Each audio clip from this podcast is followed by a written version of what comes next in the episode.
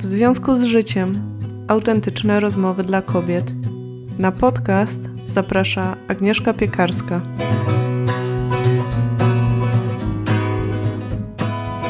Witam Cię bardzo serdecznie w nowym, 75. odcinku audycji.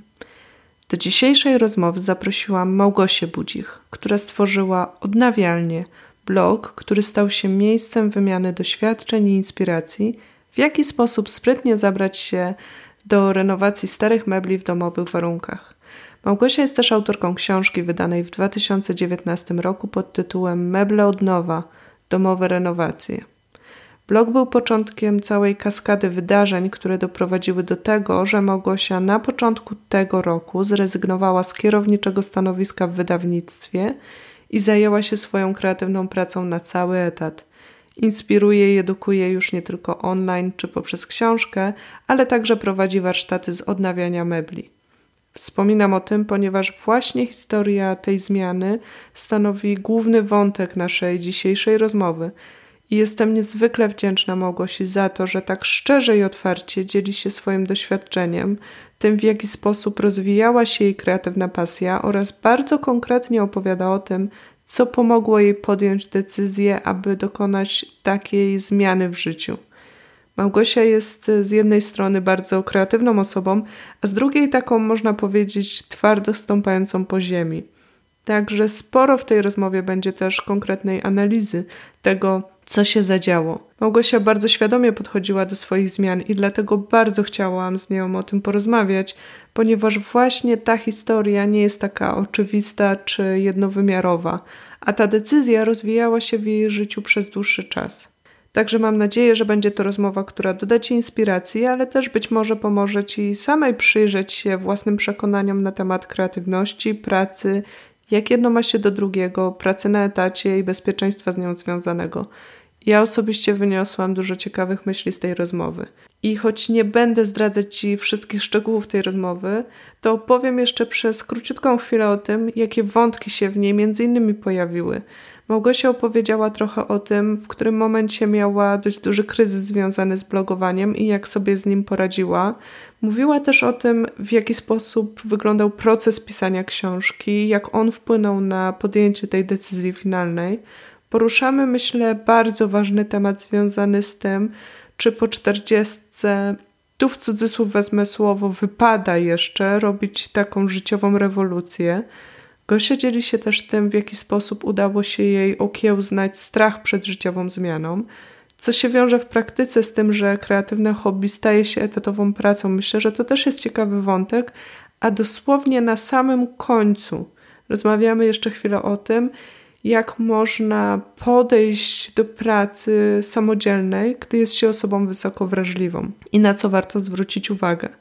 W rozmowie poruszamy też trochę wątków pobocznych, czasem zmieniamy trochę temat. To wypływa z tego, że mamy z Gosią kilka wspólnych talentów Galupa, o czym też chwilę rozmawiamy, ale zawsze wracamy do głównej historii. Muszę jeszcze przyznać, że bardzo dobrze bawiłyśmy się podczas tej rozmowy i liczę, że ta atmosfera udzieli się także Tobie podczas słuchania. Wszystkie linki do wspomnianych w rozmowie, np. książek czy artykułów, znajdziesz na stronie w związku z życiem.pl łamane przez 75. Tam też jest transkrypcja dzisiejszej rozmowy, za którą bardzo serdecznie dziękuję Agacie Podsiadły. A mogło się znajdziesz na jej stronie odnawialnia.pl. A teraz już serdecznie zapraszam Ciebie do wysłuchania tej dzisiejszej rozmowy. Cześć Gosia. Cześć Agnieszka. Opowiesz trochę, jak się w ogóle zaczęła Twoja pasja do odnawiania mebli? Oczywiście. To pytanie powiem Ci, że wiele osób mi już zadawało. E, I ja, e, jak przeczytałam je od Ciebie, mm, pochyliłam się trochę głębiej nad tym tematem, ponieważ zawsze odpowiadam, że mm, moja pasja zaczęła się od tego, że się przeprowadziłam. W pewnym momencie szukaliśmy większego domu i wyprowadzaliśmy się z mieszkania i do tego domu potrzebowaliśmy mebli. Mieliśmy ograniczony budżet remontowy, więc y, a nie mogliśmy zabrać starych mebli z mniejszego mieszkania, więc siłą rzeczy zaczęliśmy kombinować. No i wtedy y, też pojawił się pomysł, żeby zacząć odnawiać jakieś meble. I tak naprawdę pamiętam taką wnękę, y, którą chciałam właśnie mm, zaaranżować taką starą komodą, żeby tam trzymać jakieś różne drobiazgi do domu. I, i właśnie zaczęło się od tej komody, takiej czerwonej komody. Wymyśliłam sobie, że to będzie czerwona komoda. Przeszukiwałam wtedy Pinteresta, który się pojawił w Polsce, zaczął być bardzo popularny, no i wsiąkłam właśnie przeglądając, co ludzie wyczyniają ze starymi meblami. Mhm. Ale jak tak zaczęłam się głębiej zastanawiać, to tak naprawdę ta taka potrzeba mm, wytwarzania czegoś nowego to ona była właściwie zawsze, e, bo ja jako dziecko pamiętam, że e, miałam taką potrzebę ciągłego robienia czegoś nowego. Ja dużo przerabiałam na przykład jako nastolatka ciuchów. Zaprzyjaźniłam oh, wow. się z maszyną do szycia i wtedy też e, kombinowałam, szyłam jakieś swoje rzeczy, w których potem niekoniecznie chodziłam, ale, ale miałam taką potrzebę, żeby coś robić z niczego. Pamiętam, że robiłam taką, miałam taką produkcję witraży z papieru i robiłam je dla koleżanek i u siebie w pokoju. Miałam takie drzwi z szybą i właśnie na tej szybie zrobiłam robiłam taki witraż e, z tektury i z bibuły. E, dużo też kopiowałam obrazów, na przykład znanych malarzy. Miałam taką wizję, że mało, ja może będę kiedyś rysować. Chociaż niekoniecznie mam taki talent, żeby coś samemu tworzyć, ale mam talent do kopiowania tak, obrazów, więc, więc to też na przykład robiłam e, mhm. na, na dużą skalę. I ta taka potrzeba wytwarzania czegoś we mnie zawsze była. I mój tata zresztą też miał taki mały warsztacik w piwnicy i czasami tam coś razem robiliśmy. Więc gdzieś wracają do takie wspomnienia z dzieciństwa, e, że w jakiś sposób ja już chyba miałam do tego skłonności od małego i te meble to taki trochę był e, właściwie kanał, w który ja wpuściłam mm, tą potrzebę kreacji. E, no i akurat tak to się zbiegło, że się przeprowadzaliśmy i, e, no i e, pojawiła się potrzeba urządzenia tego domu, ale przecież równie dobrze mogliśmy kupić nowe meble, bo z czasem gdzieś tam ten budżet się odnawiał i, i stopniowo mhm. można było coś dokupić, ale ja jednak poszłam w tym kierunku, że że nie, że jak udało mi się z jednym meblem, dlaczego miałbym się nie udać z następnym? E, no i tak to mnie właśnie wciągnęło, ale na pewno dużo, duży udział w tym, w tym miało uruchomienie Pinteresta i jakby wejście w ten świat też takich zagranicznych, czy to blogów, czy twórców, bo do tej pory myślę, że taki, takim głównym, wiodącym źródłem inspiracji dla wielu Polaków urządzających wnętrza były katalogi Ikei i, i w ogóle Ikea, mhm. czy też urządzane te ich takie mieszkanka w sklepach, że chodziło się tam do tego sklepu powiedzmy po trzy kartony albo jakieś tam pojemniki do przechowywania, a przy okazji oglądało się te wszystkie e, urządzone wnętrza. I na pewno IKEA ma swój bardzo duży udział w inspirowaniu ludzi, jak, jak się urządzać, jak meblować. Ale właśnie wejście też w te zagraniczne e, źródła, e, blogi różnych twórców, to też otworzyło mi oczy, że można robić coś po swojemu, przerabiać inaczej, wykorzystywać jakieś pozornie niepotrzebne rzeczy, zmieniać ich przeznaczenie. No i jakby to mnie mocno wtedy zainspirowało i pokazało, że jest to możliwe e, i że można to robić samodzielnie. Jakbyś mogła mi umiejscowić e, w czasie, plus minus pamiętasz, nie wiem, to było, no strzelam, 8 lat temu, bo to był też chyba zupełnie inny świat, no nie? W internecie. Tak, 8 lat temu, a nawet może i 9, bo ja mieszkam już w tym domu 8 lat, będzie we wrześniu. E, a zaczęłam e, myśleć jakby o urządzaniu tego wnętrza jakieś pół roku wcześniej, bo wtedy kupiliśmy ten budynek i tam zaczęły się prace remontowe, więc ja siłą rzeczy zastanawiałam się, co kupić, co wybrać i gdzieś tam wtedy już zaczęłam się interesować wnętrzami, początkowo przeglądając magazyny wnętrzarskie, ale potem właśnie przerzucając się bardziej do internetu e, i do, do Pinteresta. Jeszcze chyba zszywka była taka, ale ja pamiętam, że głównie Pinterest był takim źródłem dla mnie obrazów Czyli wtedy w Polsce, bo dla mnie to jest taki nowy świat, w który ja wchodzę powiedzmy przez ciebie, tak? Gdzieś też e, to wyjdzie w rozmowie. Natomiast, więc nie mam zupełnie pojęcia 8 lat temu w internecie, co ja robiłam. No wiem, co, co ja robiłam, bo, yy, bo pisałam.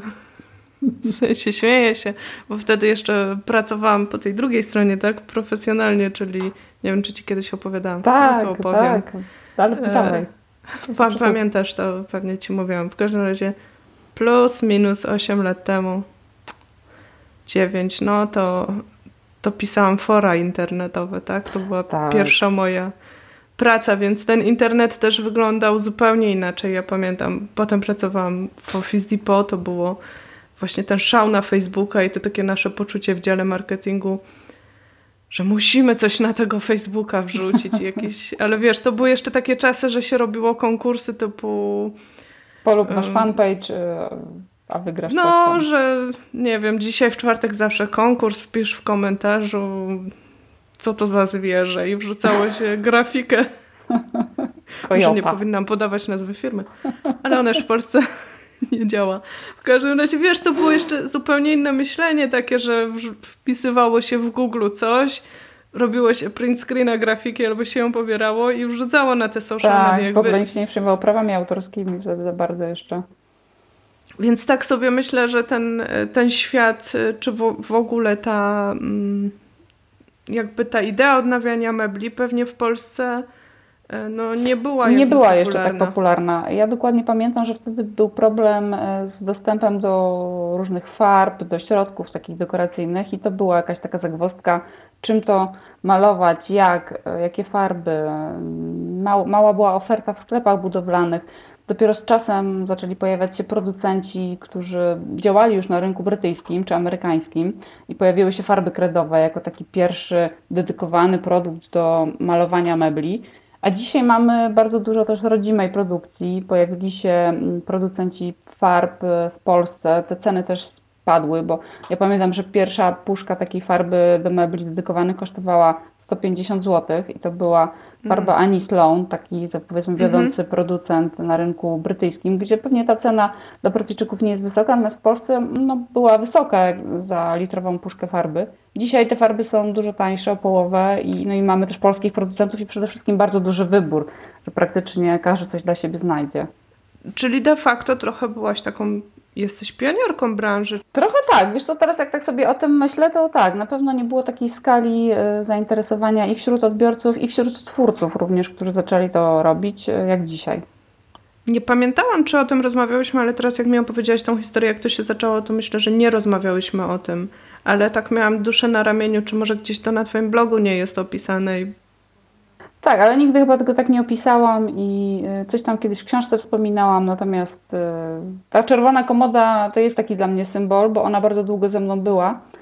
Y, gdzieś tam znalazłam właśnie inspirację, że ktoś przemalował sobie mebel na czerwono i ja wyszłam też, o ja chcę mieć czerwoną komodę. Ja potem do niej szukałam specjalnie tapety, żeby pasowało i tak zrobiłam ją po swojemu dorobiłam, dokupiłam do niej takie mm, ceramiczne numerki, nowe uchwyty, więc taka była mm, zrobiona już po mojemu i bardzo właśnie byłam dumna z tego projektu i mówię, Boże, to jest najładniejsze miejsce w domu. Zawsze jak wchodziłam po schodach i się wychodziło nas na tą wnękę, to mówię, o, to jest, to jest właśnie to najfajniejsze miejsce.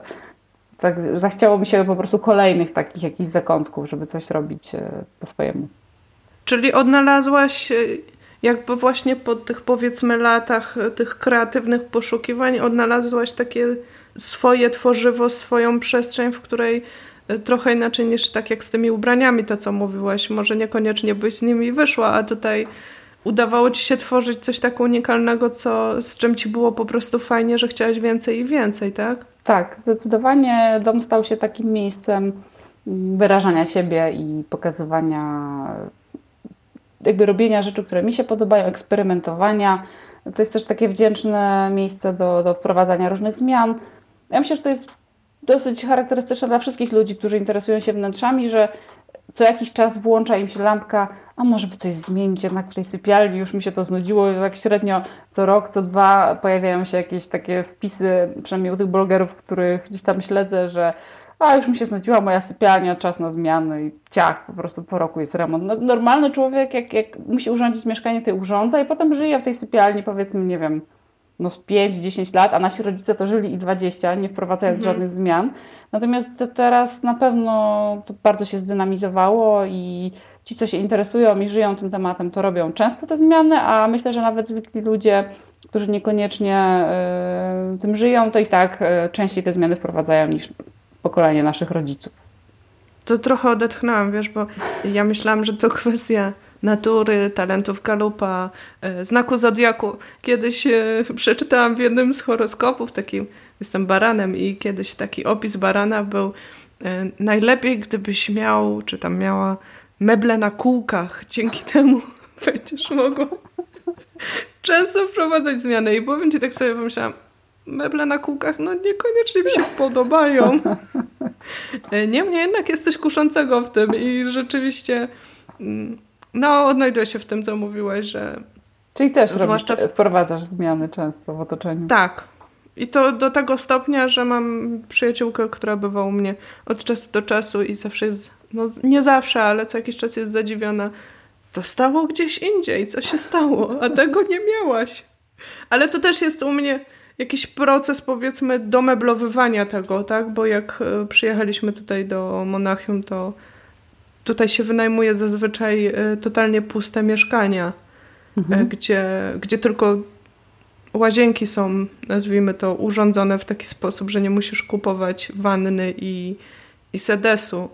I A kuchnia się... też musisz urządzać? Kuchnia też jest pusta. Myśmy musieli od zera całe mieszkanie umeblować. A jest taki rynek wtórny właśnie mebli, czy jak to się mebli? Czy musicie wszystko nowe kupować, czy... Mm, powiem Ci tak, generalnie tutaj ten system wynajmu działa inaczej niż w Polsce w takim sensie, że raczej się myśli o wynajmie długoterminowo. Mhm. Czyli często jest tak, że ludzie, nie wiem, mieszkają w wynajętym mieszkaniu 20 lat, 10 lat, także jakby nie mają takiego myślenia, że nie opłaca im się inwestować w to. Natomiast jest założenie, że nie zawsze, bo czasami się zdarzają e, mieszkania oczywiście na krótszy termin czy, czy z meblami. Natomiast jest takie ogólne założenie, że przeprowadzasz się ze swoimi meblami. Z kuchnią jest, jest trudno, więc jest taki bardzo duży rynek, myślę, e, tych kuchni, tak? Bo mhm. to, to są mega pieniądze, jak ludzie muszą się wprowadzić. Czasami dochodzi do takich dla mnie absurdów, że wyprowadzając się musisz oddać mieszkanie w takim samym stanie, jak się wprowadziłeś. Czyli yy, może się zdarzyć, że ja będę zmuszona tą kuchnię zdemontować, wyrzucić ją, a ktoś będzie, wprowadzi się i będzie musiał swoją nową zrobić, bo może się tak według tych przepisów zdarzyć. Czasami wiem, że się zdarza, że ludzie po prostu odsprzedają tą kuchnię natomiast też dlatego e, z naszej perspektywy, gdzie wiemy, że no wiedzieliśmy już czwarty rok minął teraz w lipcu, jak tu mieszkamy, ale y, gdzie wiedzieliśmy, że niekoniecznie tu zostaniemy na bardzo, bardzo długo, no to kuchnię mam na przykład sprowadzoną w kartonach paczkami z takiego polskiego marketu, bo było to najtańsze po prostu. Mhm. No tak, tak dochodzi problem w sumie montażu, prawda? Bo no, zmontowanie kuchni to już nie jest taka prosta sprawa i trzeba mieć montaż. Montaż był droższy niż kuchnia. No właśnie, bo jednak powieszenie tych szafek, żeby one wytrzymało obciążenie, to jest wyzwanie, mhm. nie? To już specjaliści tak. wieszają. Tak, i mój mąż już się nie chciał tego podejmować, ale wiesz, wszystko musieliśmy kupić, więc jakby mieliśmy trochę mebli z Irlandii, jakimś totalnie to już taki wątek poboczny, no ale opowiem chwilkę. Totalnie przypadkiem w Irlandii pierwsze mieszkanie właściciel zbankrutował i mogliśmy zabrać co chcieliśmy, ponieważ o. tam jest taka sytuacja, że oni mm, jak bankructwo, to bankructwo. Powiedzieli nam, że wszystko będzie po prostu wyrzucane, łącznie, wiesz, wszystko Z po antykami prostu do zera. irlandzkimi. Tak. I na nowo, jak już ktoś to przejmie, kupi to wprowadzane, więc mogliśmy zabrać wszystko. Niemniej jednak drugie mieszkanie, które wynajmowaliśmy, wynajmowaliśmy od kogoś, kto jakby, bo tam wynajmujesz z meblami. Więc te meble były w mieszkaniu, więc mhm. jakby posiadanie czterech sof, w, no. nawet w dużym salonie na trzy osoby byłoby dość dużą ekstrawagancją. Nie mówiąc już, że zakrawałoby jakąś e, lekką taką no nie powiem, że chorobę, ale być może zaburzenie, tak? Takiego, wiesz, chomikowania albo imputa tego galupowego. Więc nie robiłam tak. tego, natomiast wzięłam kilka takich rzeczy, typu takie krzesła, taką powiedzmy komodę wiklinową, y, taki stolik, y, stół. Słuchaj, to jest, to jest marzenie każdego e, odnawiacza, czy takiego miłośnika staroci, właśnie dorwać się do jakiegoś mieszkania, z którego można zabrać e, różne fajne meble. No to jeśli ktoś nas w Irlandii słucha, to myślę, że tam, tam jest potencjał naprawdę. Natomiast tam też meble są drogie. I mam takie właśnie dwa stoliki, które mi y, służą za biurko na przykład do teraz, bo szkoda mi się z nimi rozstać.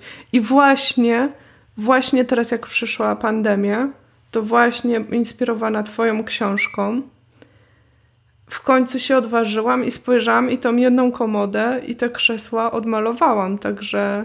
Pokazywałaś to gdzieś? Wiesz co, tej komody jeszcze nie pokazywałam, no bo ona ma takie smętne zdjęcie, poza tym jeszcze tam rączki muszę dorobić, mhm. E, ale, ale pokażę na pewno. Koniecznie. Był tylko domek dla lalek. Cieszę się, tak domek widziałam. Wspaniałe. Także działa, działa to, co robisz, ta, ta inspiracja.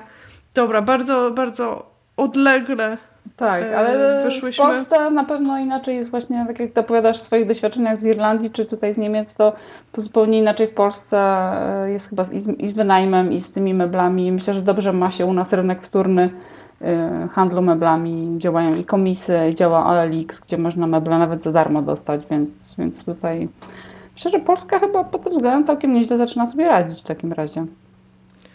Myślę, myślę że tak. No zwłaszcza, że że jak pomyślisz, jednak mam wrażenie, w Polsce jest bardzo jasny podział. Wynajmowane mieszkanie to jest miejsce, w którym nie warto, w które nie warto no inwestować. Tak. I wszystko zależy od ceny i nazwijmy to półki cenowej mieszkania i wynajmu. Natomiast im droższe, tym fajniej urządzone, ale też z zastrzeżeniem, że najlepiej byłoby w nim nie mieszkać. Wiem, bo w Warszawie takie mieszkanie wynajmowaliśmy przy, przy polach mokotowskich i mm. było małe, piękne, do dziś wspominam biały dywan. Który już nie był biały, jak wyjeżdżaliście, tak rozumiem. Wiesz, i to nie mieliśmy wtedy dziecka, zwierzęcia, nic. Niemniej jednak biały dywan strasznie mnie stresował. Trochę jak, w, no. jak w tym sitcomie, co ludzie powiedzą, nie wiem, czy pamiętasz. Tam była zawsze taka nie. Elżbieta, której się ręce trzęsły, jak miała przyjść do sąsiadki i pić z tej porcelany. No, także... Natomiast tutaj też jeszcze powiem, że w Niemczech dużo jest tych takich flomarktów i jest bardzo duża kultura odsprzedawania używanych rzeczy. Także mhm. myślę, że gdybym zaczęła chodzić, drążyć, to, to można dużo fajnych rzeczy znaleźć. Tak, trzeba obudzić w sobie tą żyłkę poszukiwacza, prawda? Którą właśnie może mi się wtedy udało obudzić na początku i jakby poszłam w tym kierunku, natomiast yy, no jakby są różne ścieżki, którymi można podążać urządzając swoje wnętrze, tak? Można pojechać do Ikei, można stopniowo zbierać pieniądze i kupować sobie jakieś wymarzone meble dobrego projektanta czy producenta i no, ścieżki są różne, tak.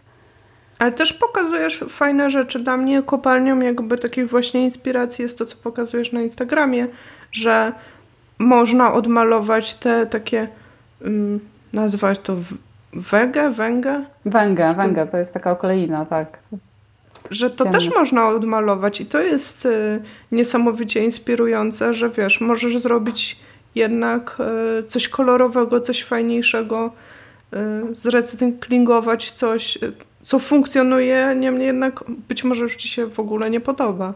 A jest w sumie jeszcze sprawne, funkcjonalne i jakby może spokojnie pełnić funkcję przechowania, tylko no estetyka nam się znudziła, czy, czy, mhm. czy nas zmęczyła. Jednak wszystkich to potem dopada. Nawet chociaż te meble, o których wspominasz, te z węgry, to one miały chyba z 10 albo 12 lat, y, więc koleżanka, która je kupiła wtedy, no to była dobra inwestycja, porządny producent y, i meble cały czas dobrze chodzą, tak? Wszystkie szuflady, prowadnice wzorowo, nic się tam nie, nie wypaczyło. Tylko kolorystyka i jakby styl mebli już, no pewna moda minęła, pojawiły się inne mody i i nadszedł czas na zmianę i cieszę się, że zdecydowała się to przemalować, a nie wyrzucić. Mhm. No super to wyglądało. Powiem Ci, dla mnie to była inspiracja. Też będę odmalowywać starą komodę z Ikei, taką wiesz, jedną z tych najtańszych. Ona tam trochę szwankuje, ale stoi na balkonie i tak pomyślałam, mam już nowe y, krzesła, to czemu by nie no, popatrzeć oczywiście. jeszcze na piękną komodę. Słuchaj, tak wrócę jeszcze do, do tej twojej historii. A w którym momencie pojawiło się myśl o blogu i o tym, żeby się dzielić tym, tą swoją pasją z innymi? Parę miesięcy później mm, ja już mieszkałam w tym domu i pamiętam, że tak e, robiłam zawsze zdjęcia przed i po i tak sobie myślałam, kurczę, to jest takie, bo jeszcze robiłam wtedy też w międzyczasie na przykład lampę ze sztalów malarskich, to był taki drugi mój projekt, z którego też byłam bardzo dumna. Miałam takie stare plenerowe sztalugi i stwierdziłam, o to byłby fajny stojak do lampy i kupiłam gdzieś taki metalowy klosz do, od takiej starej lampy wojskowej. Ja to tam zmontowałam jakoś i to pełniło funkcję takiej lampy stojącej przy kanapie.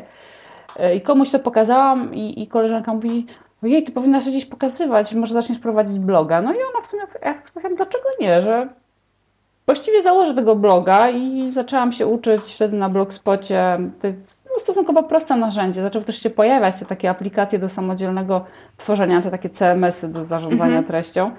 Udało mi się to jakoś e, zorganizować zaczęłam tam wrzucać pierwsze posty i to było jakoś styczeń, pamiętam, e, no 7 lat temu.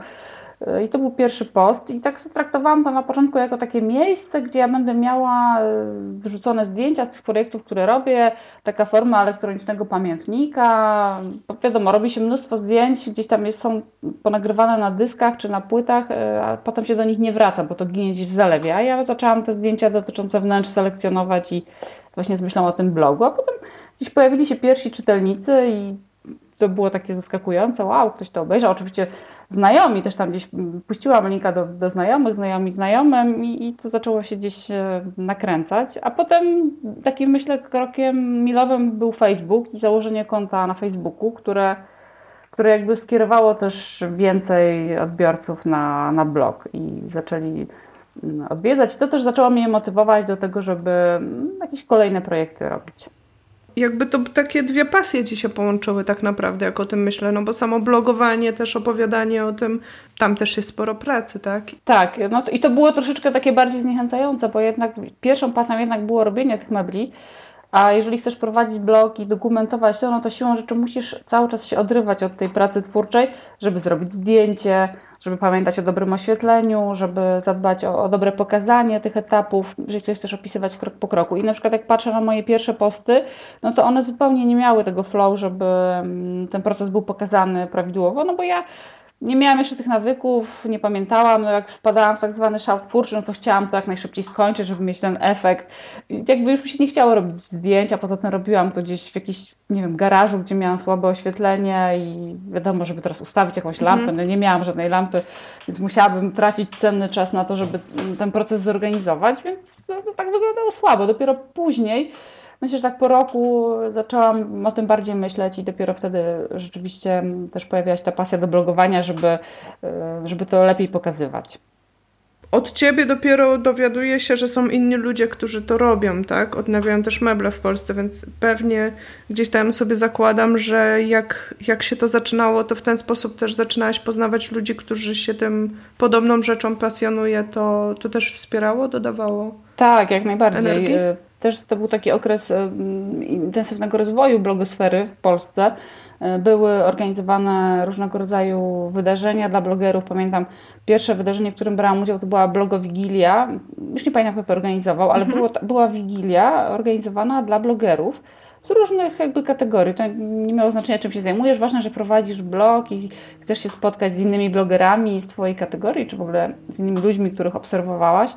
I to było takie właśnie pierwsze wydarzenie w realu, gdzie ja też poznałam niektóre dziewczyny, które kojarzyłam z internetu i, i do dziś te znajomości jakby najdłużej się utrzymują. Poznałam potem w międzyczasie dużo innych twórców, ale wtedy te początkowe, te pierwsze znajomości jakby najbardziej zaowocowały taką trwałością, taka znajomość z podstawówki można powiedzieć, e, z mhm. wczesnych, z wczesnych początków i do dziś utrzymujemy kontakt.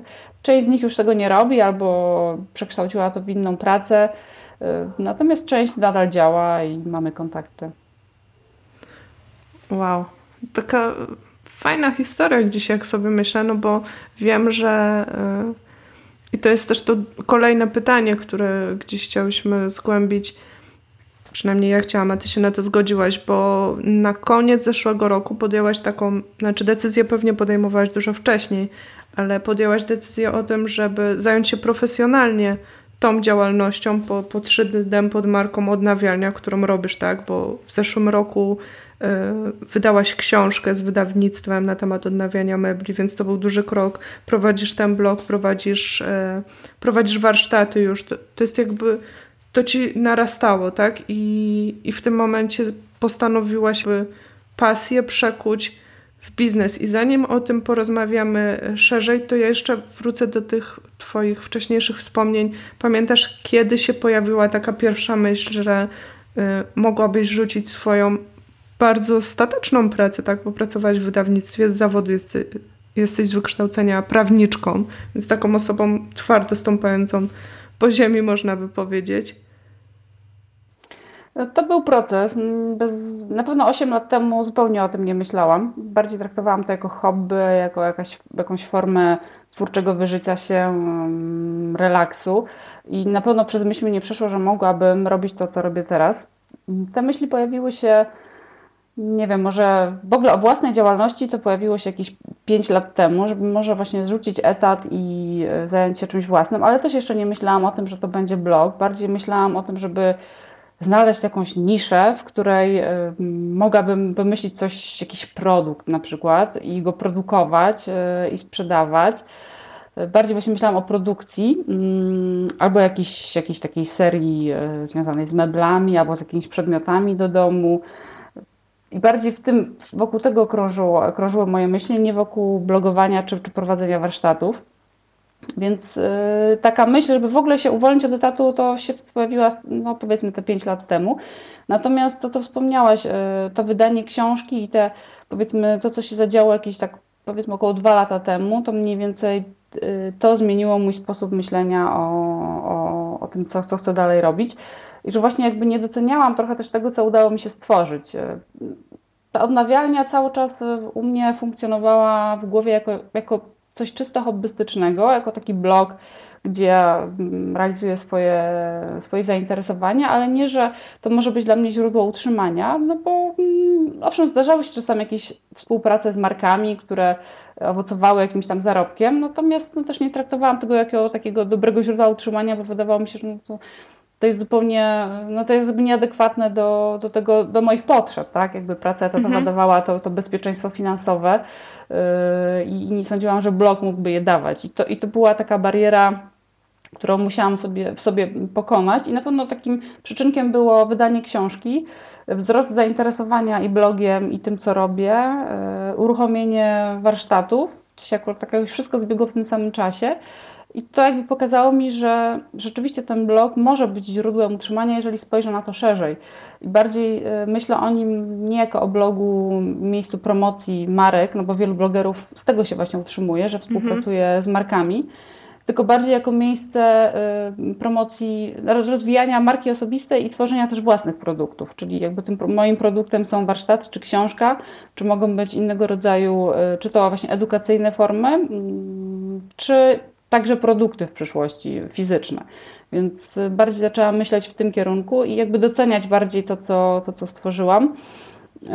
No i też ja też miałam taki kryzys z blogowaniem, bo zanim się to wszystko zaczęło działać dwa lata temu, to ja byłam nawet bliska podjęcia decyzji o zamknięciu bloga, bo wydawało mi się, że ja nie jestem w stanie pracować na etacie, dobrze prowadzić ten blog i e, zajmować się rodziną, domem. No jakby kumulacja wielu obowiązków budziła dużą frustrację i myślałam sobie, nie, to nie będę tego bloga prowadziła, bo ja nie mam czasu, nie mam czasu robić projektów. Na przykład były nie, trzy miesiące, że ja nic tam nie wrzuciłam, no bo nie miałam czasu, żeby, żeby mhm. zrobić coś nowego, tak? I, I to mnie frustrowało. Yy, ale no, potem pojawiła się w sumie ta myśl z wydawnictwem i to pchnęło mnie na nowe tory.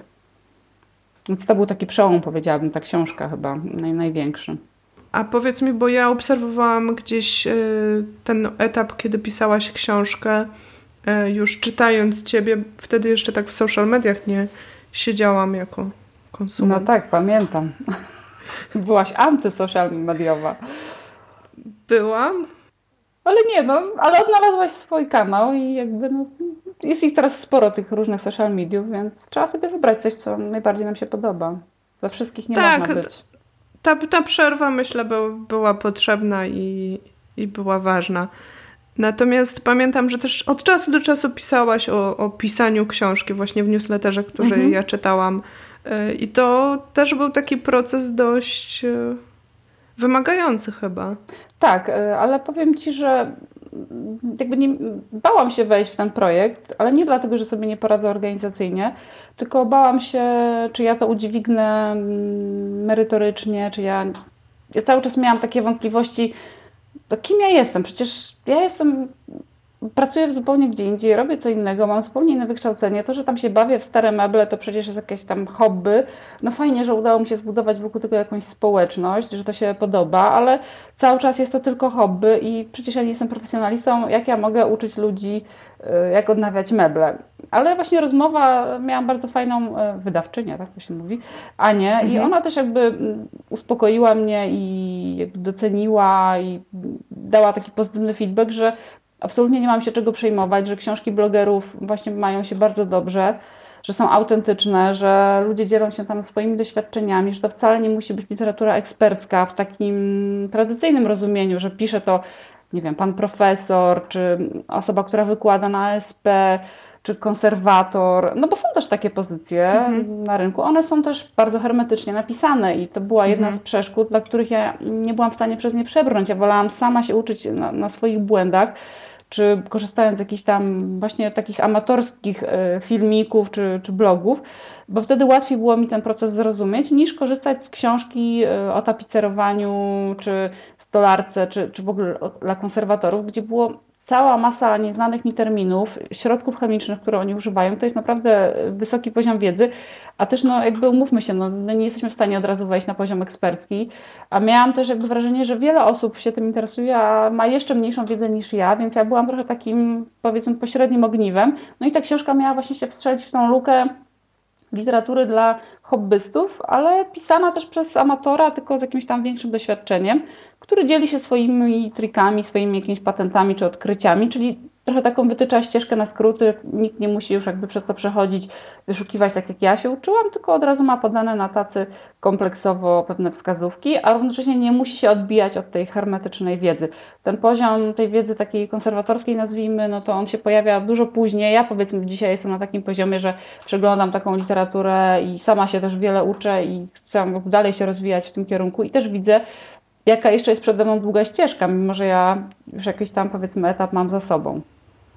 No właśnie powiem Ci, że y, tak jak opowiadasz tej, o tej książce, ja jako czytelniczka powiem, tak, tak to właśnie działa, bo pamiętam jak szorowałam to swoje krzesło w pocie czoła autentycznie i w tym momencie pomyślałam sobie, Jezus, jak dobrze, że ktoś przez to przebrnął i po, przyznam się szczerze, że do, do pierwszego krzesła tak podeszłam dość ignorancko. Miałam tą książkę, którą kupiłam będąc jeszcze w Warszawie e, w, zaraz w sierpniu, tak, w zeszłym roku, -hmm. kiedy ona ukazała się w Empiku.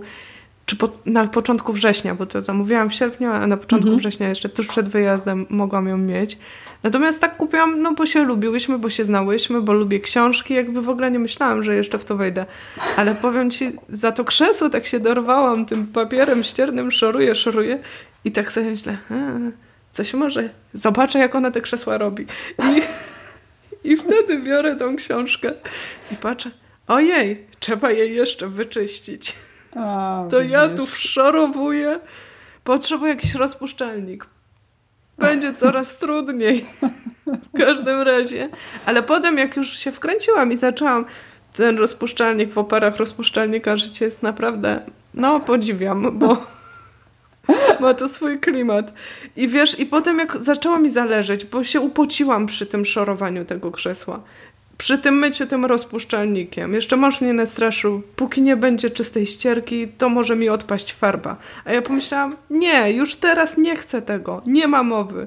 Jak mi to ma odpaść, to nie ja w ogóle... Wiesz, nie właśnie, już teraz muszę to zrobić. I tak sobie wtedy pomyślałam, tam te pierwsze warstwy tej farby, którą sprowadziłam z Polski, te farby, mm, które polecasz, super. ponieważ musiałam, już nie chciałam się wgryzać, właśnie tłumaczyć, jakie farby, takie, śmakie, owakie. Nie, ja chcę tą butelkową zieleń, podoba mi się to, robimy. I powiem ci, i maluję tą farbę i wtedy sobie myślę, jak dobrze, że jesteś. Jak dobrze, że jesteś, że się wgryzłaś w to. Ja pamiętam tą historię z książki, gdzie pisałeś, że trzeba pomieszać farbę, bo ty pierwszą czerwoną rzecz, którą malowałaś... Tak, tak, to taka moda właśnie, tak. Właśnie tak nie, nie rozmieszana farba, dokładnie, to był tak, pierwszy i że ty błąd. mi tam tłumaczysz i że wytłumaczyłaś mi, że ja jednak ten rozpuszczalnik potrzebuję. Bo tak, to ja bym tam potarła to krzesło, pomalowała brudne i pewnie by mi odpadło, czy coś takiego. I pomyślałam sobie, jak dobrze, że ktoś się w to wzgryza, a jednocześnie ja, chociaż wiesz, na przykład tematy marketingu, blogowania, rozwoju osobistego, czytam, czytam, wgryzam się, kolejna książka, kolejna. W tym temacie nie. Ja chcę mieć efekt. Ja chcę mieć efekt i potrzebuję, żeby ktoś mi bardzo, bardzo klarownie wytłumaczył, co mam kupić, co mam zrobić krok po kroku i jaki efekt osiągnę. Nie chcę nic więcej na ten temat wiedzieć. Nie chcę mhm. wiedzieć, że jest więcej możliwości, więcej rodzajów farb ja chcę mieć prosto, bo ja chcę mieć ten efekt, ja tu chcę mieć po prostu czyste hobby. I to, co powiedziałaś, to rzeczywiście ma sens, bo w życiu bym nie sięgnęła po literaturę fachową. Fachową, bo, bo też musiałabym się jej naczytać i krzesła w ogóle by się rozpadły już w tym czasie chyba. No nie miałabym. No tego. myślę, że to jest duża bariera. Też pamiętajmy, że w tej grupie osób zainteresowanych są ludzie z różnymi potrzebami i ty jakby jesteś w tej grupie pewnie, która właśnie jest, są twórcze osoby, które mają potrzebę zmiany, lubią y, nadawać, y, wprowadzać coś nowego, zmieniać. Jakby mieścisz się w tej grupie tych wszystkich odkrywców, którzy. Mm, ty też masz chyba wysoko ten talent y, ideation, z tego co pamiętam. Numer jeden. U mnie też, także witaj w klubie. E, I to jest ta właśnie potrzeba e, zmiany. I, ale z drugiej strony nie musisz akurat właśnie zdobywać tej wiedzy, tylko chcesz w najprostszy sposób osiągnąć e, rezultat. Ale jest też grupa ludzi, która, dla których to też jest pasja i oni też docierają i oni właśnie wnikają w te detale. No dobrze, a co zrobić, jak się tutaj nam coś odklei? A co zrobić, kiedy ja mam taki problem? A co ja mam zrobić z tym memem? Czyli oni zaczynają też tą wiedzę zdobywać i to są często ci, którzy trafiają na warsztaty, że przychodzą z jakimś tam swoim jednym meblem, y, Wiadomo, oni go zrobią na tych warsztatach, ale równocześnie jakby mają oczy dookoła głowy, no bo chcą też wiedzieć, jakie są inne problemy, bo oni też mogą się z nimi zetknąć potem przy samodzielnych próbach renowacji innych mebli. Y, I ta grupa to jest taki powiedzmy core tego, tego mojego działania. Natomiast ja wiem też, że właśnie i tymi też swoimi pytaniami i tym swoim komentarzem otworzyłaś na to szerzej oczy, że właśnie jest też duża grupa po prostu ludzi, którzy chcą osiągnąć ten efekt y, i mieć jakby tą ścieżkę wytyczoną w jak najprostszy sposób. Że ja im jakby to rozpiszę, ale nie będę robiła jakichś pobocznych dygresji, no bo oni chcą przeprowadzić ten proces w miarę bezboleśnie, tak? żeby nie, nie popełniać po prostu błędów, które, które ich zniechęcą albo spowodują, że ostatecznie nie będą zadowoleni z tego efektu. Tak, no właśnie ja chcę mieć mebel. I to było dla mnie też takie odkrywcze, wiesz, osobiście, ponieważ ja też blogując, czy podcastując, czy interesując się jakimiś rzeczami, w które wnikam, wnikam, wnikam, wnikam, jakby niekoniecznie jestem zainteresowana finalnym efektem, tylko właśnie ten etap wnikania jest dla tak. mnie. Wiadomo, że oczywiście te efekty sama na sobie testuję i w ogóle jestem z nich mniej lub bardziej zadowolona. Różnie bywa, no co tu będę mówić. Natomiast tu akurat przy tych meblach mam bardzo, bardzo jasny cel. I to mi też tak pokazało, o jakie fajne może być to hobby, bo mnie nie interesują rodzaje farb, rozpuszczalników. Mhm. I ja chcę po prostu coś stworzyć i, i, mieć z tego fan. I wiesz co, o tym jeszcze będziemy y, zaraz y, bardziej rozmawiać, natomiast ja bym chciała jeszcze trochę wrócić do tego wątku związanego z, z tą twoją działalnością i zmianą, ponieważ zgodziłaś się na ten temat porozmawiać. A, a jak mi o tym opowiadasz, to mam wrażenie, że mówimy być może też o takim przekonaniu, które y, część z nas może mieć, też y, część słuchaczek, czyli taki podział na taką bezpieczną, solidną pracę, robienie czegoś poważnego, że praca jest taka, nazwijmy to, poważna i w jakichś ramach, a świat kreatywny jest y, no nie powiem, że niepoważne, chociaż być może tu przebijają moje, e, moje przekonania, tak? Ale jest, jest taki. Niepoważny no. trochę, no. Jest. No, tak, ja czy wiem, co masz na myśli. Ja długo też tkwiłam w takim przekonaniu i właściwie to była taka główna bariera, żeby wyskoczyć z tego pudełka. Ja zawsze uważałam, że jako że od samego początku y, pracowałam na etacie i byłam przyzwyczajona do stałego wynagrodzenia. Miałam akurat szczęście do pracodawców, y, pensje były zawsze płacone regularnie, dostawałam podwyżki, dostawałam premie. Y, miałam w pewnym momencie samochód służbowy czy telefon. No, korzystałam jakby z wielu przywilejów bycia pracownikiem. I to jest taki świat, nazwijmy go korporacyjny. Do którego wiele osób się, od którego się wiele osób uzależnia, przyzwyczaja i to daje takie poczucie stabilizacji y, finansowej, też takie poczucie tożsamości, bo jesteś, masz jakiś zawód, pracujesz w jakiejś branży. No ja się zawsze mieniłam wydawcą literatury fachowej, y, jakby w tej branży siedziałam, całe życie pracowałam właśnie w wydawnictwach prawniczych. No i to mi dawało jakiś taki, taki no, takie poczucie tożsamości, przynależności. Natomiast właśnie te, te wątki hobbystyczne, no to one były takim egzotycznym kwiatem, można powiedzieć. Jak ktoś słyszy, że się tym zajmuje, to mówi, wow, jakie to fajne, super, fajne masz hobby, takie oryginalne, coś jak latanie, nie wiem, śmigłowcem może, albo mhm. wiesz, jakieś takie, coś niebanalnego wtedy.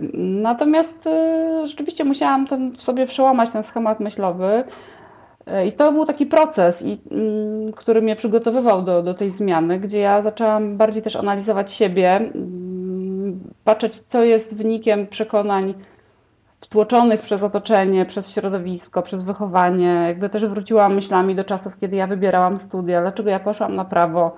Na pewno duży udział w tym miał mój tata, który był, miał takie niespełnione marzenie, że nie został prawnikiem. On skończył Wtedy był taki kierunek prawo administracyjne, ale które nie dawało ci uprawnień do tego, żeby robić potem aplikację. On zawsze chciał być prokuratorem i próbował mnie trochę wtłoczyć w tą swoją wizję. No ja nigdy akurat nie miałam ciągu do bycia prokuratorem. Prędzej na, na początku myślałam, że będę adwokatem albo radcą prawnym i zajmę się właśnie takim prawem, powiedzmy, gospodarczym. Yy, natomiast w toku studiów jakby już wiedziałam, że ja od tego uciekałam instynktownie. Ja poszłam na praktyki yy, na trzecim roku do takiej kancelarii w Szczecinie, gdzie pracowałam przez rok i ja dopiero sobie zdałam sprawę, jak nudna jest ta praca dla mnie. Jak bardzo mhm. jest uzależniona od procedur, od yy, pilnowania terminów, od szukania takich tak naprawdę błędów formalnych. Bardzo często jest to praca wykonywana w sądzie, no bo do prawnika trafiają już sprawy, które ocierają się o proces. Więc mało jest takich, y, może gdybym była powiedzmy właśnie prokuratorem, paradoksalnie, to, to tam jest więcej takiego merytorycznego podejścia do, tego, do tych spraw karnych, do szukania nie wiem, winy, do współpracy z organami ścigania, więc może jest to ciekawsze. Natomiast to, to, to prawo cywilne, w którym ja się na początku z siebie zdefiniowałam, no stało się dla mnie strasznie nudne. Ja po tych, po tych praktykach stwierdziłam, że ja nie chcę pracować jako prawnik, że ta praca mnie by wykończyła. I jakby wiedziałam już na studiach, że tego nie będę robić, no i wtedy sobie właśnie wymyśliłam, że skoro mm, no, kończę te studia, no to, a lubię książki, no to może będę pracować w wydawnictwie. Tak, taki wiesz, prosty mechanizm. No i mhm. rzeczywiście trafiłam po studiach do wydawnictwa. Pracowałam w sumie w trzech różnych wydawnictwach i e, jakby no, odnalazłam się nawet w tej branży. Tak się cieszyłam, że no, udało mi się wywinąć z tych studiów w taki sposób, że, no, że znalazłam jakąś tam ścieżkę dla siebie i pomysł, ale też na pewno nie miałam takiego myślenia szerokiego i bałam się jakichś poważnych zmian, żeby na przykład zacząć zupełnie inne studia, e, załóżmy, nie wiem, z projektowania czy z architektury. Więc e, gdzieś tam dopiero stopniowo zaczęłam dojrzewać do różnych, e, do różnych decyzji, do różnych zmian, analizując siebie. I można powiedzieć, że to takie przejście na ten własny biznes to była też trochę taka droga do dojrzałości. I na pewno takim wsparciem dla mnie była książka o której ja e, nie wiem, czy tobie mówiłam, ale pisałam na pewno o niej um, Insight. E, Pisałaś. Zresztą tak. też audycja jest tam e, wymieniona w tym artykule. Więc... Tak, no to miałam wspomnieć, że to też również jeden z tych, tych wątków. Więc książka Insight to była Droga do mentalnej dojrzałości, jest chyba taki podtytuł. Mhm. De facto ja, ja tą książkę przerobiłam sumiennie, bo autor Michał Pasterski ba, bardzo tak to potraktował tak, że to są takie lekcje, zadania. Ja te zadania przerobiłam i sobie złożyłam taki czerwony zeszyt, gdzie przeleciałam całą tą książkę i rozpisałam jakby wszystkie swoje, różne aspekty swojego życia. I naprawdę doszłam do wielu wniosków i, i przestałam się bać, myśleć, że, że ja mogę tę zmianę wprowadzić, że dlaczego by nie. I, i myślę, że to przerobienie właśnie tej książki, y, słuchanie różnych y, ludzi, którzy rozmawiają o wewnętrznym rozwoju, właśnie między innymi waszego podcastu z Gosią, który wprowadziłyście w związku z życiem, do szukania odpowiedzi na takie trudne pytania, do grzebania tam wewnątrz, to doprowadziły do tego punktu, w którym ja jestem, że bez tego odrobienia tej takiej pracy y, mentalnej nie, nie, nie zdecydowałabym się na ten krok. Czyli jednak schowałabyś to gdzieś w tą szufladę hobby po prostu. Tak, to, to, od, od... to by było hobby. To, które może bym nawet porzuciła i bym na przykład zajęła się, załóżmy, szyciem, tak? Bo może wtedy bym nagle w pewnym momencie, jeżeli nie widzę tam też rozwoju w tym hobby, no bo ile można tych mebli zrobić do swojego domu, prawda? Gdzieś tam w pewnym momencie to się może zastopować i bym może zajęła się zupełnie czymś innym, więc to był chyba taki przełom, że ja jakby się zdecydowałam rzucić na tą głębszą wodę i dzięki temu zostałam w tym, w tym, w tym czym jestem, bo wciąż widzę jakby dalsze y, kierunki rozwoju.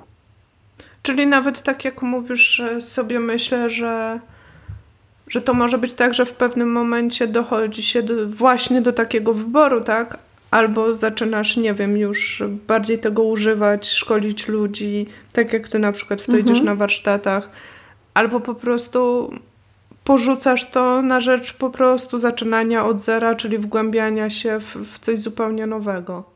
Tak, tak albo, naprawdę. A, tak, albo porzucasz to hobby na przykład na rok i potem gdzieś wracasz do tego znowu, więc to tak by gdzieś tam funkcjonowało na obrzeżach mojej pewnie rzeczywistości, bo może bym wtedy szukała innej pracy, bo jeszcze na tą całą zmianę też się nałożył wątek e, miejsca, w którym pracowałam, gdzie pracowałam przez 15 lat co też y, nie było niestety korzystne. Mimo, że miałam tam zmianę stanowiska pracy kilkakrotnie i ostatecznie zakończyłam z wydawnictwem współpracę na stanowisku kierowniczym, więc można powiedzieć, że był ten progres zawodowy, ten awans, mhm. Y, ale mimo wszystko praca wciąż z tymi samymi ludźmi, bo tam było bardzo stabilne zatrudnienie. Mm, praca przy podobnych projektach z tą samą tematyką właśnie mm, wiedzy prawniczej dla nieprawników, bo ja się zajmowałam takim segmentem jak księgowi, kadrowi, mm, BHP-owcy, ludzie od zamówień publicznych, czyli to są, to są ludzie, którzy y, nie mają kierunkowego wykształcenia prawniczego jak adwokaci czy radcowie prawni, tylko muszą stosować prawo w swojej praktyce zawodowej, więc my jakby dla nich przygotowywaliśmy trochę inne linie wydawnicze, inne produkty, takie powiedzmy bardziej przetworzone prawo, y, bardziej zrozumiały sposób podawane z przykładami, z konkretnymi rozwiązaniami.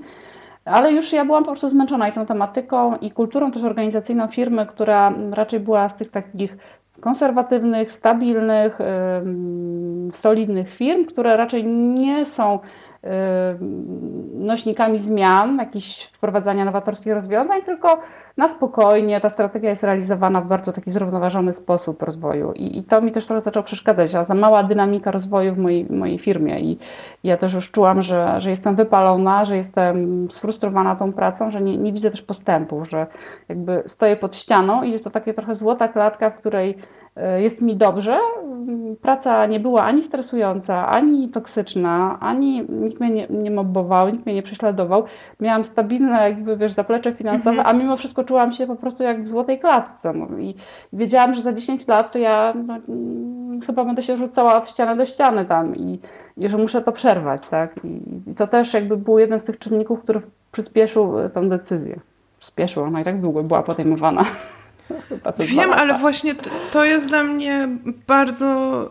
Y, bardzo się cieszyłam, że też chciałaś o tym porozmawiać, bo myślę, że taki temat czy podejmowanie takiej decyzji jest, y, jest szerzej tematem i myślę, że część osób się boryka czasami jeszcze do tego dochodzą takie racjonalizujące argumenty, które wspierają ten strach pod tytułem nie, no już w tym wieku nie, nie tak, wypada, tak, tak. szkoda. Więc ja też tu nie chcę y, ci tak, wiesz, pytać, a powiedz mi, ile masz lat, żeby... Y, ja mam 43 lata i rzeczywiście miałam taką myśl a propos wieku Boże, ja już jestem po 40, to za późno na takie zmiany. To trzeba było o tym myśleć 10 lat temu, a nie teraz.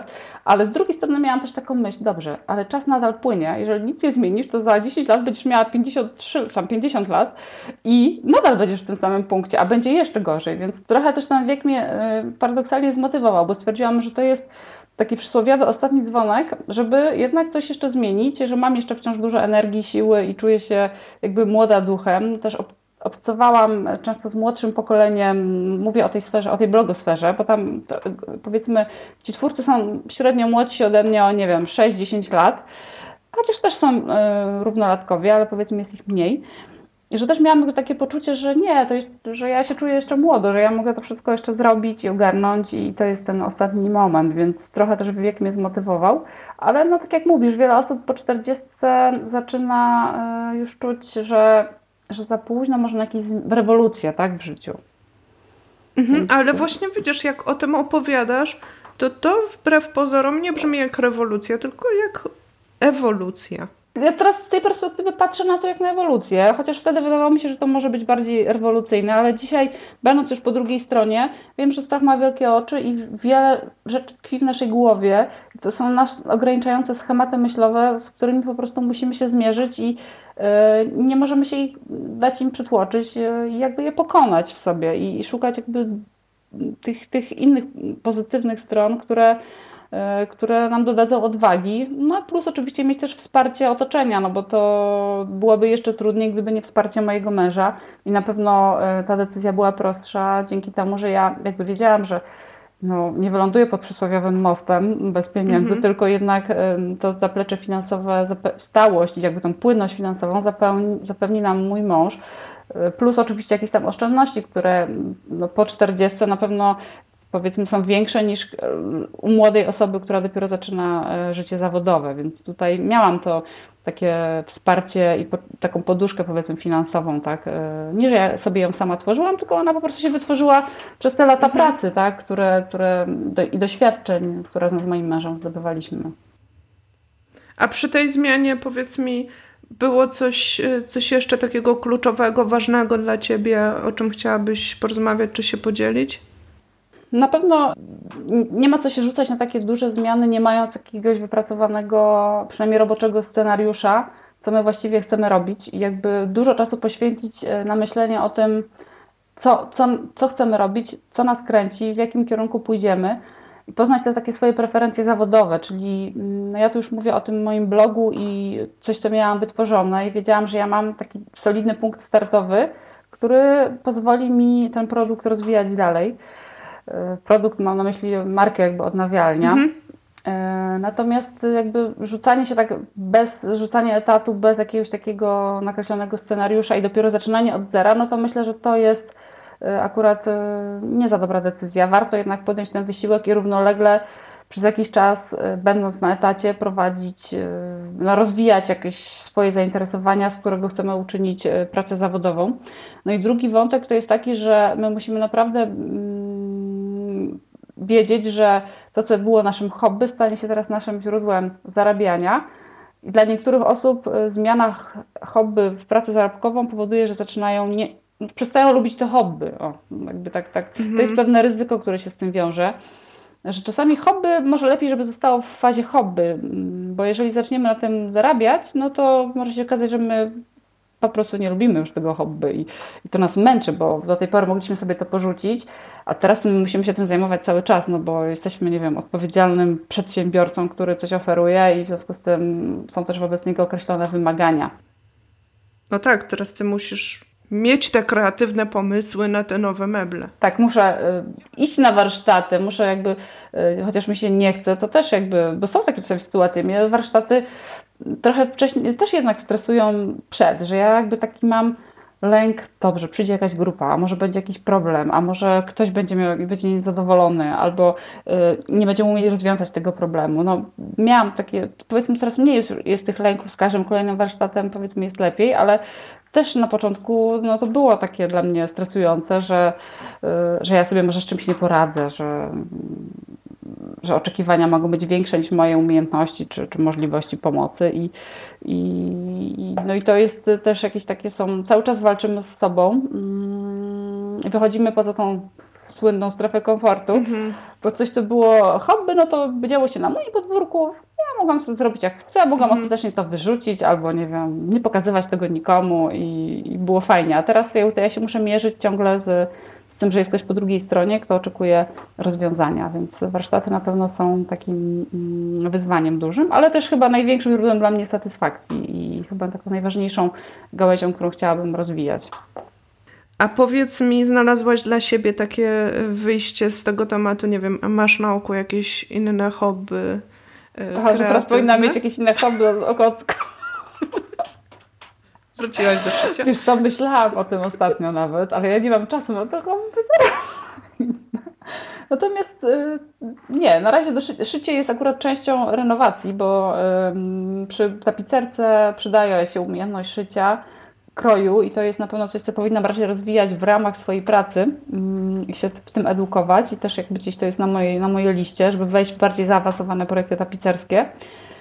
Natomiast takim totalnym hobby to powiem Ci, że ja wróciłam, e, wracam powoli do czytania książek. Coś, co było kiedyś moim hobby numer jeden i ja jako powiedzmy, no już jak tylko się nauczyłam czytać, to ja połykałam książki. Ja byłam stałym gościem biblioteki miejskiej, wypożyczałam co tydzień, co dwa, po nie wiem, 5-6 książek, ja to wszystko czytałam. Ja, ja czytałam całe życie, całe liceum, całe studia i na początku jeszcze mojej pracy zawodowej, ale jakieś 10 lat temu, no może tam, no 10, jak, jak zajęłam się chyba tym blogowaniem, tak mniej więcej to się zbiegło, mhm. meblami, ja przestałam czytać, bo stwierdziłam, że ja straciłam życie na czytaniu książek. Ja czytałam jakąś klasykę literatury rosyjskiej, Tołstoja, Dostojewskiego.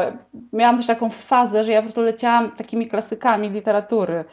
Lalka, Rozumiem, ja wiesz, Prusa. Przez Dostojewskiego poszłam na studia, więc wiesz. Tak, i to był taki mój...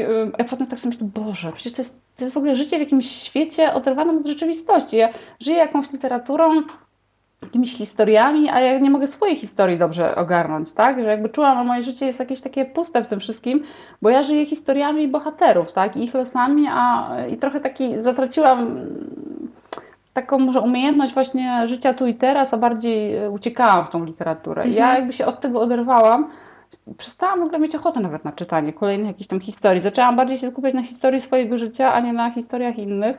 Ale dzisiaj właśnie muszę powiedzieć, że zaczynam tęsknić za tymi książkami i, i co jakiś czas y, sięgam po jakąś literaturę y, i też widzę, jak się oderwałam od tego, jak bardzo się rozwinął rynek y, pisarzy, ilu jest nowych pisarzy, ile jest w ogóle niesamowitych książek, które gdzieś tam ludzie opisują.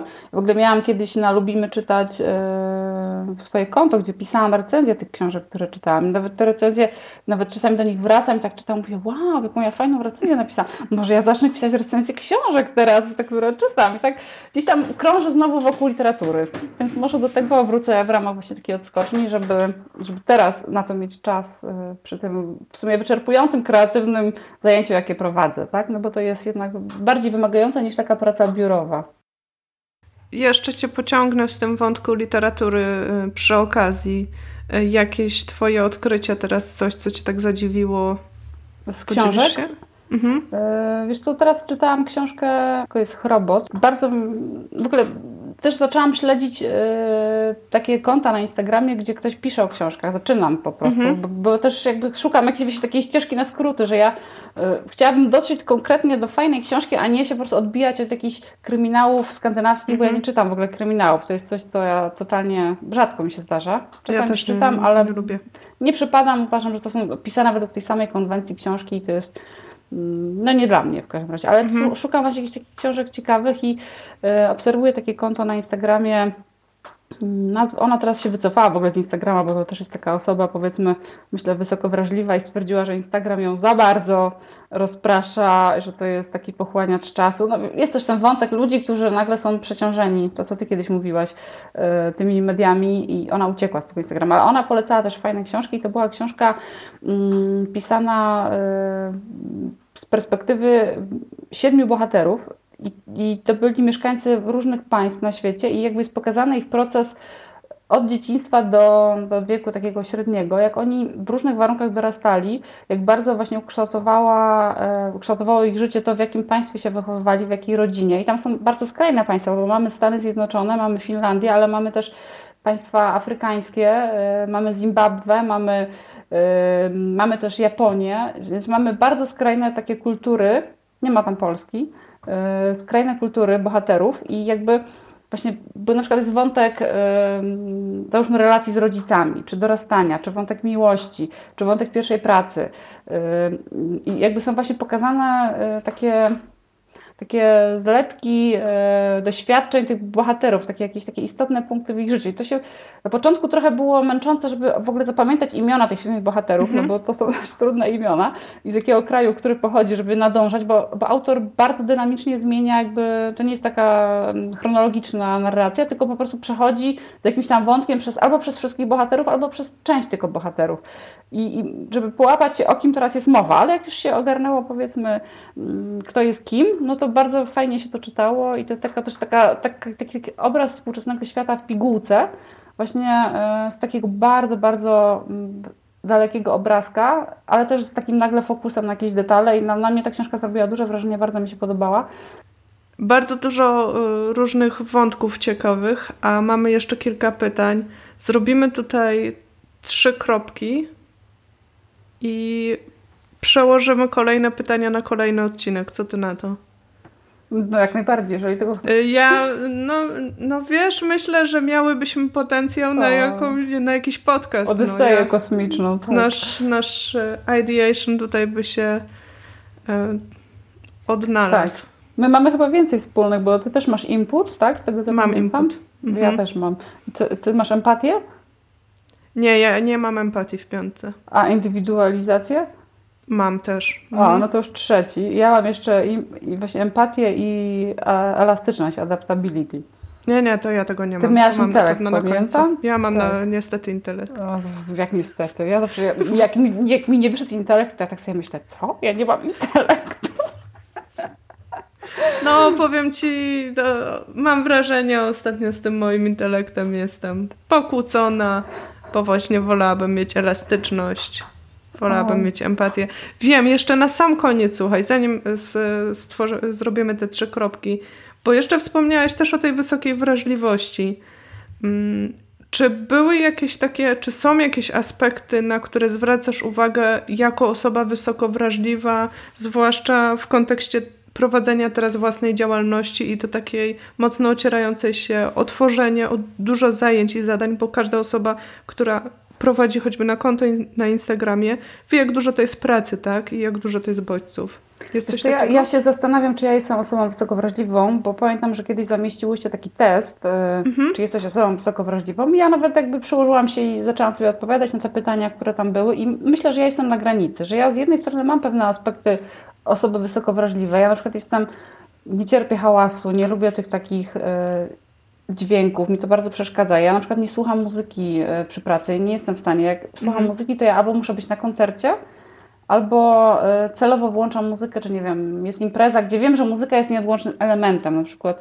Więc mam niektóre takie aspekty, ale z drugiej strony ja myślę, że ja E, jednak jestem, tak jak kiedyś, tak jak powiedziałaś, że ja dosyć twardo stąpam po ziemi i jestem takim też konkretną bardzo osobą, że skupiam się też na jakichś tam zadaniach, e, celach i, i wiem, że moją słabością jest e, nadmierne rozproszenie na różne projekty i jakby mając tą świadomość, to staram się jakby podwójnie dyscyplinować i i po prostu robię sobie różne listy zadań mm, i próbuję żyć e, właśnie z kartką w ręku, bo inaczej to ja bym oszalała i to mogłoby doprowadzić do tego, że, że ja mm, nie ogarniam tych wszystkich projektów, bo to jest jakby taka, taka główna przeszkoda. Nie wiem, czy to jest cecha osoby takiej wysoko wrażliwej, ale, ale nadmiar e, możliwości, nadmiar projektów, które chciałabym zrealizować, e, za dużo inspiracji zewnętrznej powoduje, że ja zaczynam źle się czuć, że jak jest tego za dużo, to ja siadam i nie wiem, co mam dorobić. A jeżeli ja sama sobie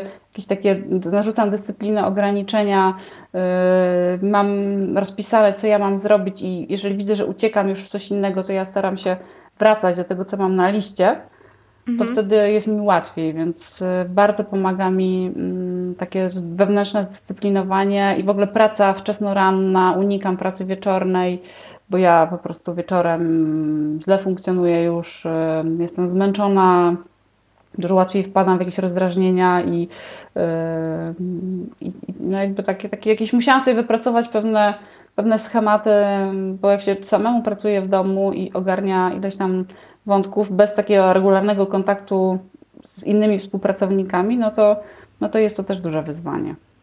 Tak, to, Żeby to nie zginąć w gąszczu wyzwanie. swoich po prostu myśli, jakichś, jakichś dziwnych y, wyobrażeń, czy nagle stwierdzeń w stylu no to jest bez sensu, co ja robię, albo ten projekt, po co ja właściwie się tym zajmuję, albo yy, nie, to ktoś zrobił coś takiego wspaniałego, a ja jestem w takim polu, więc też takie to porównywanie się z innymi też jest, to jest w ogóle zła strategia tego, to, znaczy mhm. to trzeba w sobie, w sobie wyłapywać od razu i jakby dy, dystansować się do tego, starać się jakieś znaleźć metody, żeby, żeby po prostu akceptować, że jest milion ludzi, milion pomysłów i nie, nie jesteśmy w stanie zrealizować tych wspaniałych pomysłów, które inni gdzieś tam nam rzucili. No, bardzo, bardzo się w tym odnajduję też e, to, co mówisz i no takim mi przychodzi to, czym Marie Forleo, ona ma taką piękną nazwę na to, multi-passionate entrepreneur. Tak, tak. A powiem Ci, że nawet w tym roku w desperacji bo wiesz, mam słabość do kursów online. No wiem. Zapisałam się na Biskul, bo pomyślałam, że ona tak jednak mówi do mnie. I ona tam w tym Biskulu jednak tych wielo rozgałęzionych przedsiębiorców sprowadza do ziemi i mówi, no skup się na jednym, inaczej tak, będzie tak, ciężko. No. Tak, no. to, to polecałaś mi ten podcast, ja zaczęłam go słuchać, ale jeszcze nie zdążyłam całego, natomiast też czytałam taką książkę Tylko jedna rzecz.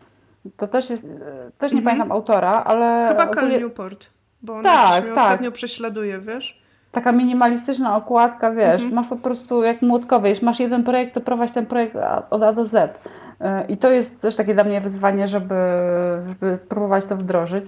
Więc to na pewno, na pewno pomaga. Więc ja próbuję zawężać listę spraw y, i jakby cały czas wracać na ten kurs, bo to jest jak taka łódka, wiesz. Płyniesz mm. po wielkim oceanie możliwości i raz w lewo cię poniesie, raz w prawo, a ty no, masz ten kurs i gdzieś tam trzymać tego celu, um, który jest na końcu. I właśnie takim projektem była książka, że ja miałam ten cel i wiedziałam, że ja muszę się zmieścić w tym czasie z tym celem. I to było fajne, takie jakoś. Tylko ten, ten, ten, ten termin narzucił mi wydawca i to, to na pewno było bardzo dyscyplinujące, więc. więc A też miałaś jakieś wiedzę, wiedzę z punktu widzenia też bycia wydawcą, tak? Więc... Tak, no to, ale to chyba trochę się w role odwracają. No. W pewnym momencie, to tak jak psychologowie niekoniecznie muszą być najlepszymi rodzicami na świecie, tak samo wydawca niekoniecznie musi być super dobrym autorem, nie? Więc zawsze jesteś w innej roli w tym momencie gdzieś tam. Oczywiście wiem, jak wygląda proces wydawniczy mhm. i wiedziałam, na co będzie zwracała uwagę, ale oni tak trochę inaczej do tego podeszli, więc to też było ciekawe doświadczenie. Mm, współpraca z innym wydawnictwem dla mnie. No, więc sobie pytałaś o to, Pytałam o tą wysoką wrażliwość właśnie. Tak. No i tak. gdzieś tam sobie wyciągam, bo dla mnie też ta wysoka wrażliwość, w ogóle te pojęcia wysokiej wrażliwości, nadwydajności mentalnej, tego bardziej rozgałęzionego myślenia, czy, czy system na przykład talentów Galupa, który też pokazuje to, co mówisz, ty masz empatię, ja mam na przykład intelekt, uważam, że to są gdzieś talenty, które mocno można odczytać w, w tym teście na wysoką wrażliwość, tak? Mhm. One, one gdzieś tam się właśnie uaktywniają. E, czy to, co mówisz, nawet sprowadzenie tego, że jak jest za dużo, jak jest za wiele bodźców, to po prostu w pewnym momencie system się przegrzewa i, i to już nie jest tak, że możesz się wycofać, tylko potrzebujesz tej chwili na ochłonięcie, bo nie jesteś mhm. w stanie działać. Także, no ale tak jak mówisz, to, to dla mnie to jest klarowne, że taka mocna samoświadomość, yy, samodyscyplina i jednak stawianie na te, yy, na te mocne strony, tak? I, I, jakoś tak wybrzmiewa mi mocno w tej, w tej rozmowie, że, że nie, nie wchodzisz głębiej w rejony, przynajmniej starasz się nie wchodzić głębiej w rejony, które wiesz z góry, że są ślepymi zaułkami.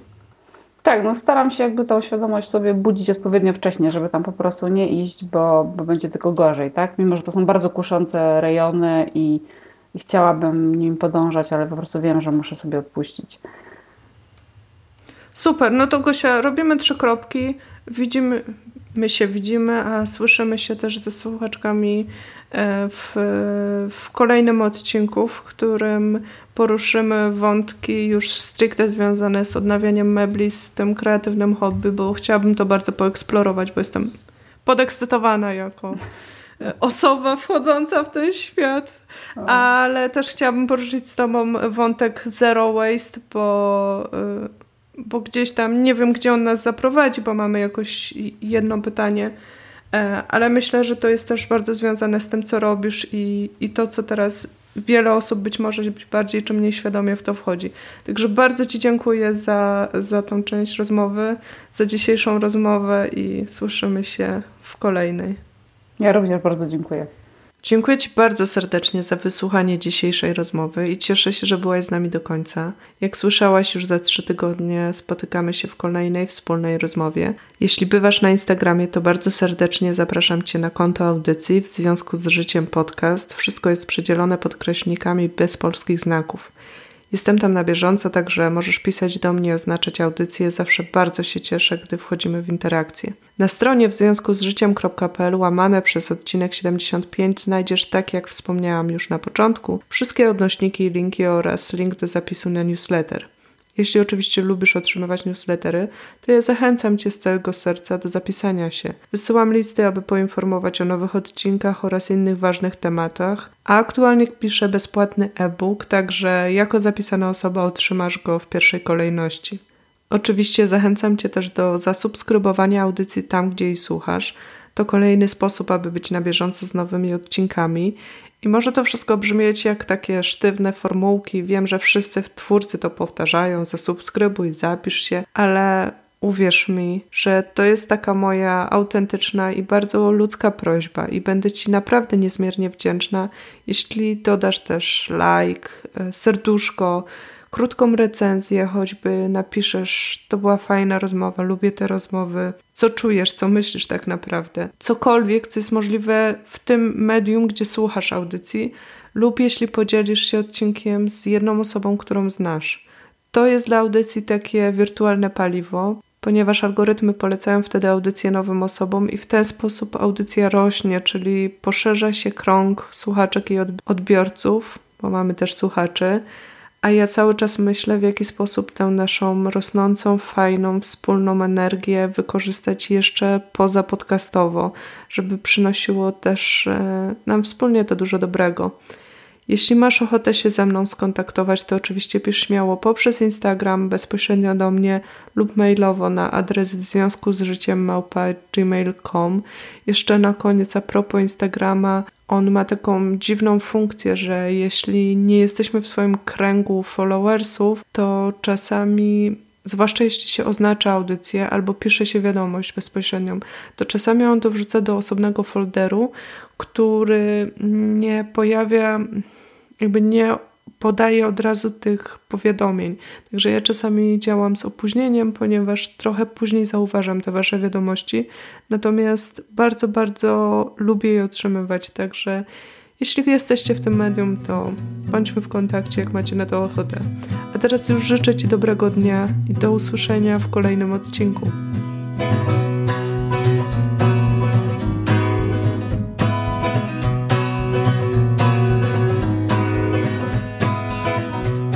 And rocks, they bind me to the soil. And step by step, I make my way from Chicago. Storm clouds and flies drift to touch my skin. And all the while, my heart is touched by a piece of twine that's not entangled for mine. Be the ground beneath my